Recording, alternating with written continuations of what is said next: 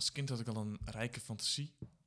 En dat is eigenlijk de laatste jaren een stuk minder geweest. Maar doordat ik nu meer tijd heb om met dingen bezig te zijn die ik misschien wat verdrongen heb, ehm, is dat weer meer tot me gekomen.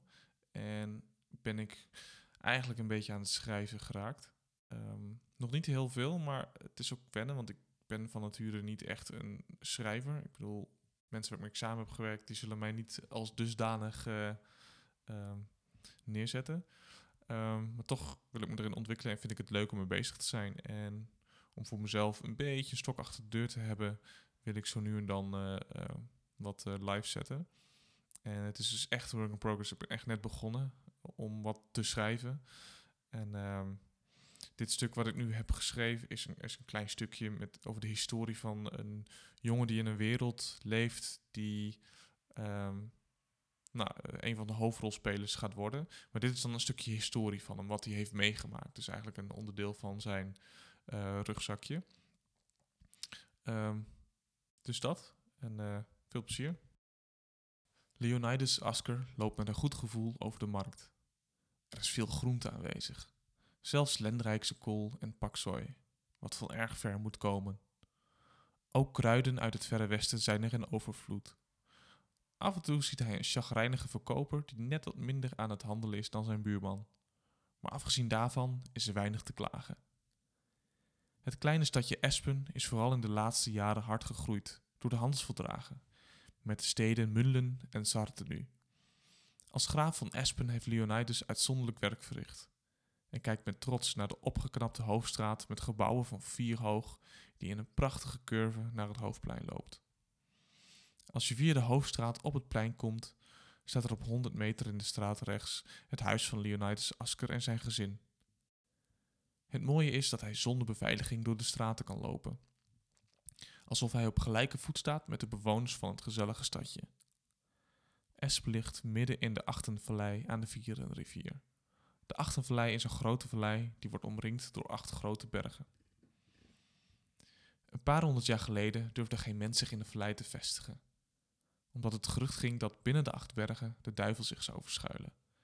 De legendes zeggen zelfs dat de duivel eigenhandig mensen ombracht die probeerden de vallei binnen te komen. Voordat het de dood inzette, werden de indringers eerst 48 uur gemarteld, waarbij vinger voor vinger werd afgehakt, tot er uiteindelijk weinig overbleef. Een gruwelijk idee. Het kon eigenlijk niet waar zijn, want het was nu zo gemoedelijk in de vallei. Leonidas raakte in de praat met een van de kooplieden op de markt, visser Koenen, die problemen heeft met het verkrijgen van verse zalm. Door die verrekte lui uit Mullen krijgen we nu bijna geen zalm meer binnen, vertelt de bijna bejaarde verkoper gefrustreerd. Ze hebben het moeilijk met de edelen uit de hoofdstad, potverdorie. Ze moeten eens weten hoe zwaar ze het mee maken. Ik verkoop alleen nog wat koolvis, maar dat levert geen cent op. Hmm, Oké, daar moeten we iets mee. Weet je wat de handelaren uit Mullen gedaan hebben waardoor ze ruzie hebben met de hoofdstad? Vraagt Leonidas op serieuze toon. Ja, de gekken hebben het schapenvlees in prijs verdubbeld. Waarom? Omdat ze weten dat we in de vallei veel schapen hebben. Ze willen geld zien en nu dus ook mijn geld. De oude verkoper wordt zichtbaar geïrriteerde. Ik ga het volgende week in de raad bespreken. Ik kom snel bij je terug, Koenen. Bedankt, graaf Asker. Dat wordt zeer gewaardeerd. Lees alsjeblieft een lesje. Dit kan echt niet. ik ga mijn best doen, belooft Leonidas aan de visverkoper. Leonidas Asker is 33 jaar oud, heeft lang donkerbruin haar en draagt het in zijn staart. Zijn kleding is niets bijzonders, maar wel uitermate schoon. Hij is niet te breed, maar zeker atletisch gebouwd en is een uitstekende zwaardvechter. Door zijn sprankelende ogen en symmetrische gezicht heeft hij een vriendelijke uitstraling. En doordat hij iedereen te hulp staat, is hij een populaire man in de gehele Achtenvallei. Terwijl hij via de hoofdstraat naar huis loopt, wordt hij nog een aantal keren aangesproken, tot hij via, de via het marktplein de zware voordeur van zijn huis openduwt. Ian Asker, de jongste zoon van Leonidas, krijgt les van juffrouw Elisabeth. Vandaag leert hij meer over de persoonsvorm en het gezegde van een zin. Voor zijn negen jaar is hij behoorlijk brutaal en is hij nergens bang voor. Misschien heeft het ermee te maken dat hij de jongste is in het gezin van drie. De oudste, Tian, is inmiddels al 15 jaar en begint al de kneepjes van diplomatie onder de knie te krijgen. Lisanne is elf en een heel lief meisje. Wel erg gevoelig en huilt daarom wat snel. Met de blauwe ogen en blonde haren lijkt ze op haar moeder. Zij is drie jaar terug gestorven aan een onbekende oorzaak. Van de een op de andere dag kreeg ze last van koorts. En na twee weken op bed te hebben gelegen, is ze overleden. Ian heeft een hele sterke band met zijn vader, Leonidas. Als hij terugdacht aan zijn moeder, sloeg zijn vader een arm om hem heen om te troosten. En als hij ruzie had met zijn broer, sprak Leonidas met hem zonder te oordelen. Heel eenvoudig komt het erop neer dat zijn vader er voor hem was, zelfs wanneer het niet nodig was. Vergeet niet je huiswerk te maken voor overmorgen, dan gaan we verder, commandeert juffrouw Elisabeth. Oké, antwoordt Ian met bedroefd gezicht. Niet zo sip, je hebt goed werk gedaan vandaag. En vergeet niet, als je iedere dag een beetje oefent, word je vanzelf beter. Goed, tot overmorgen, juffrouw. Ian raapt zijn spullen bij elkaar, loopt via de smalle gang naar de derde deur en loopt naar het woongedeelte van het grote huis.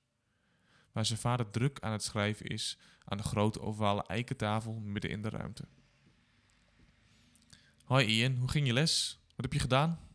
vraagt Leonidas met opgewekte stem, maar nog steeds in opperste concentratie in zijn papieren.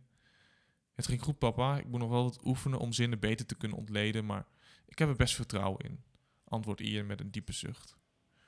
Leonidas haalt zijn blik af van de papieren en verdragen voor zich en kijkt zijn zoon aandachtig aan. Kom, ik wil je iets laten zien. Wat dan? Dat zie je vanzelf. Pak je jas. Het is nog maar net voorjaar en het is dus nog fris buiten.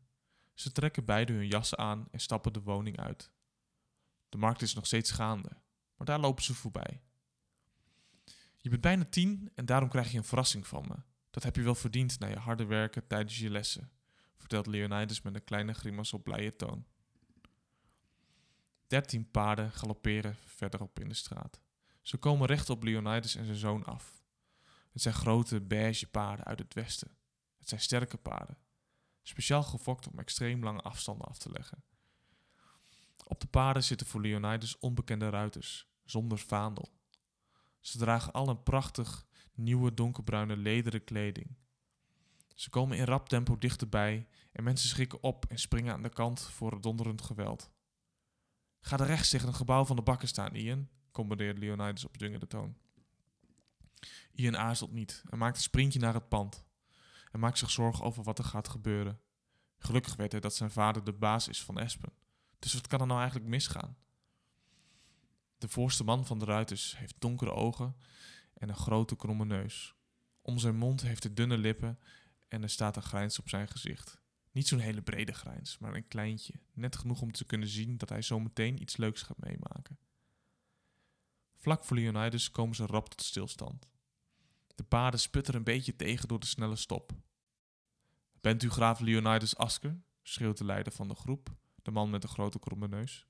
Zijn grijns wordt inmiddels breder. Ja, daar ben ik. Waarmee kan ik u van dienst zijn? Vanuit het niets vliegt er met rappe snelheid een pijl door de lucht. Leonidas zijn ogen worden groot van verbazing. De pijl is met uiterste precisie in het midden boven zijn ogen in zijn voorhoofd geboord.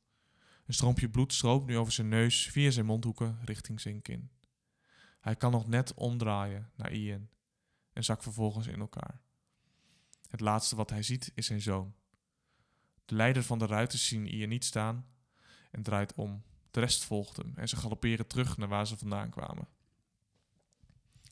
Ian trilt van angst, verdriet, verbazing en boosheid. Hij gaat op de grond zitten en kan alleen maar naar zijn vader kijken met een pijl in zijn voorhoofd. Omstanders die het hebben meegekregen komen in een kring dichterbij. Vrouwen met een hand voor de mond en de andere hand voor de ogen van hun kinderen. Ian begint harder te trillen. Zijn ogen staan groot en zijn blik gaat niet van zijn vader af. Langzaam zwellen zijn aderen op en voelt hij de onmacht en boosheid door zijn bloed stromen. Hij knijpt zijn handen tot vuisten en iedere vezel in zijn lichaam trilt zoals hij dat nog nooit gedaan heeft. Het lijkt donkerder te worden in de straat, alsof de gouden meedoen in het verdriet. Maar ook de narcissen en de krokusjes veranderen van kleur, net als de lucht. Binnen enkele tellen worden de bloemen bruin en vallen neer op de grond. De omstanders voelen zich ineens intens moe. Een jong kind van misschien drie jaar oud valt neer op de grond. Langzaam laten andere kinderen zich ook vallen en vrouwen en mannen volgen. Ze beginnen te kreunen en snappen niet wat er gebeurt. Eén roept dat de ruiters heel Espen hebben vergiftigd. Een aantal kinderen beginnen te krijsen van de pijn. Het is een oorverdovend gekrijs, alsof er geen ergere pijn bestaat. Ian is volledig in zichzelf gekeerd van boosheid en hoort niets van al het gekrijs. Zijn ogen staan nog steeds even groot en zijn aderen zijn zelfs nog dikker geworden. Het volgende bizarre wat gebeurt is dat een van de jongste kinderen langzaam ook van kleur verandert. Eerst naar lichtbruin, dan naar donkerbruin. De ogen van het jong staan op pure paniek. Het huilt in overvloed en weet niet te stoppen met krijsen. Andere mensen proberen weg te rennen, maar er zit geen kracht meer in de benen.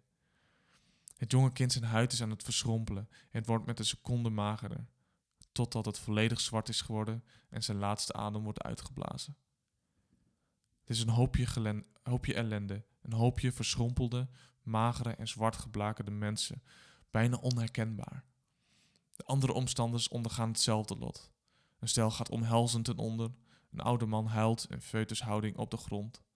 Vriendinnen zakken gezamenlijk in elkaar, totdat een hart ermee stopt. De jonge Ian verliest zijn bezetenheid en aanschouwt wat er voor hem gebeurd is. Zijn vader ligt nog altijd midden op straat, maar de mensen eromheen lijken wel volledig verbrand. Hij staat met een rap tempo op en rent door de straten naar huis. Onderweg ziet hij overal verkoolde mensen liggen. Het zijn er wel honderden. Met knijpende ogen rent hij zo hard als hij kan naar huis, huilend als een klein kind. Hij gooit de deur open van zijn huis en roept: Tian, Lisanne, maar krijgt geen antwoord.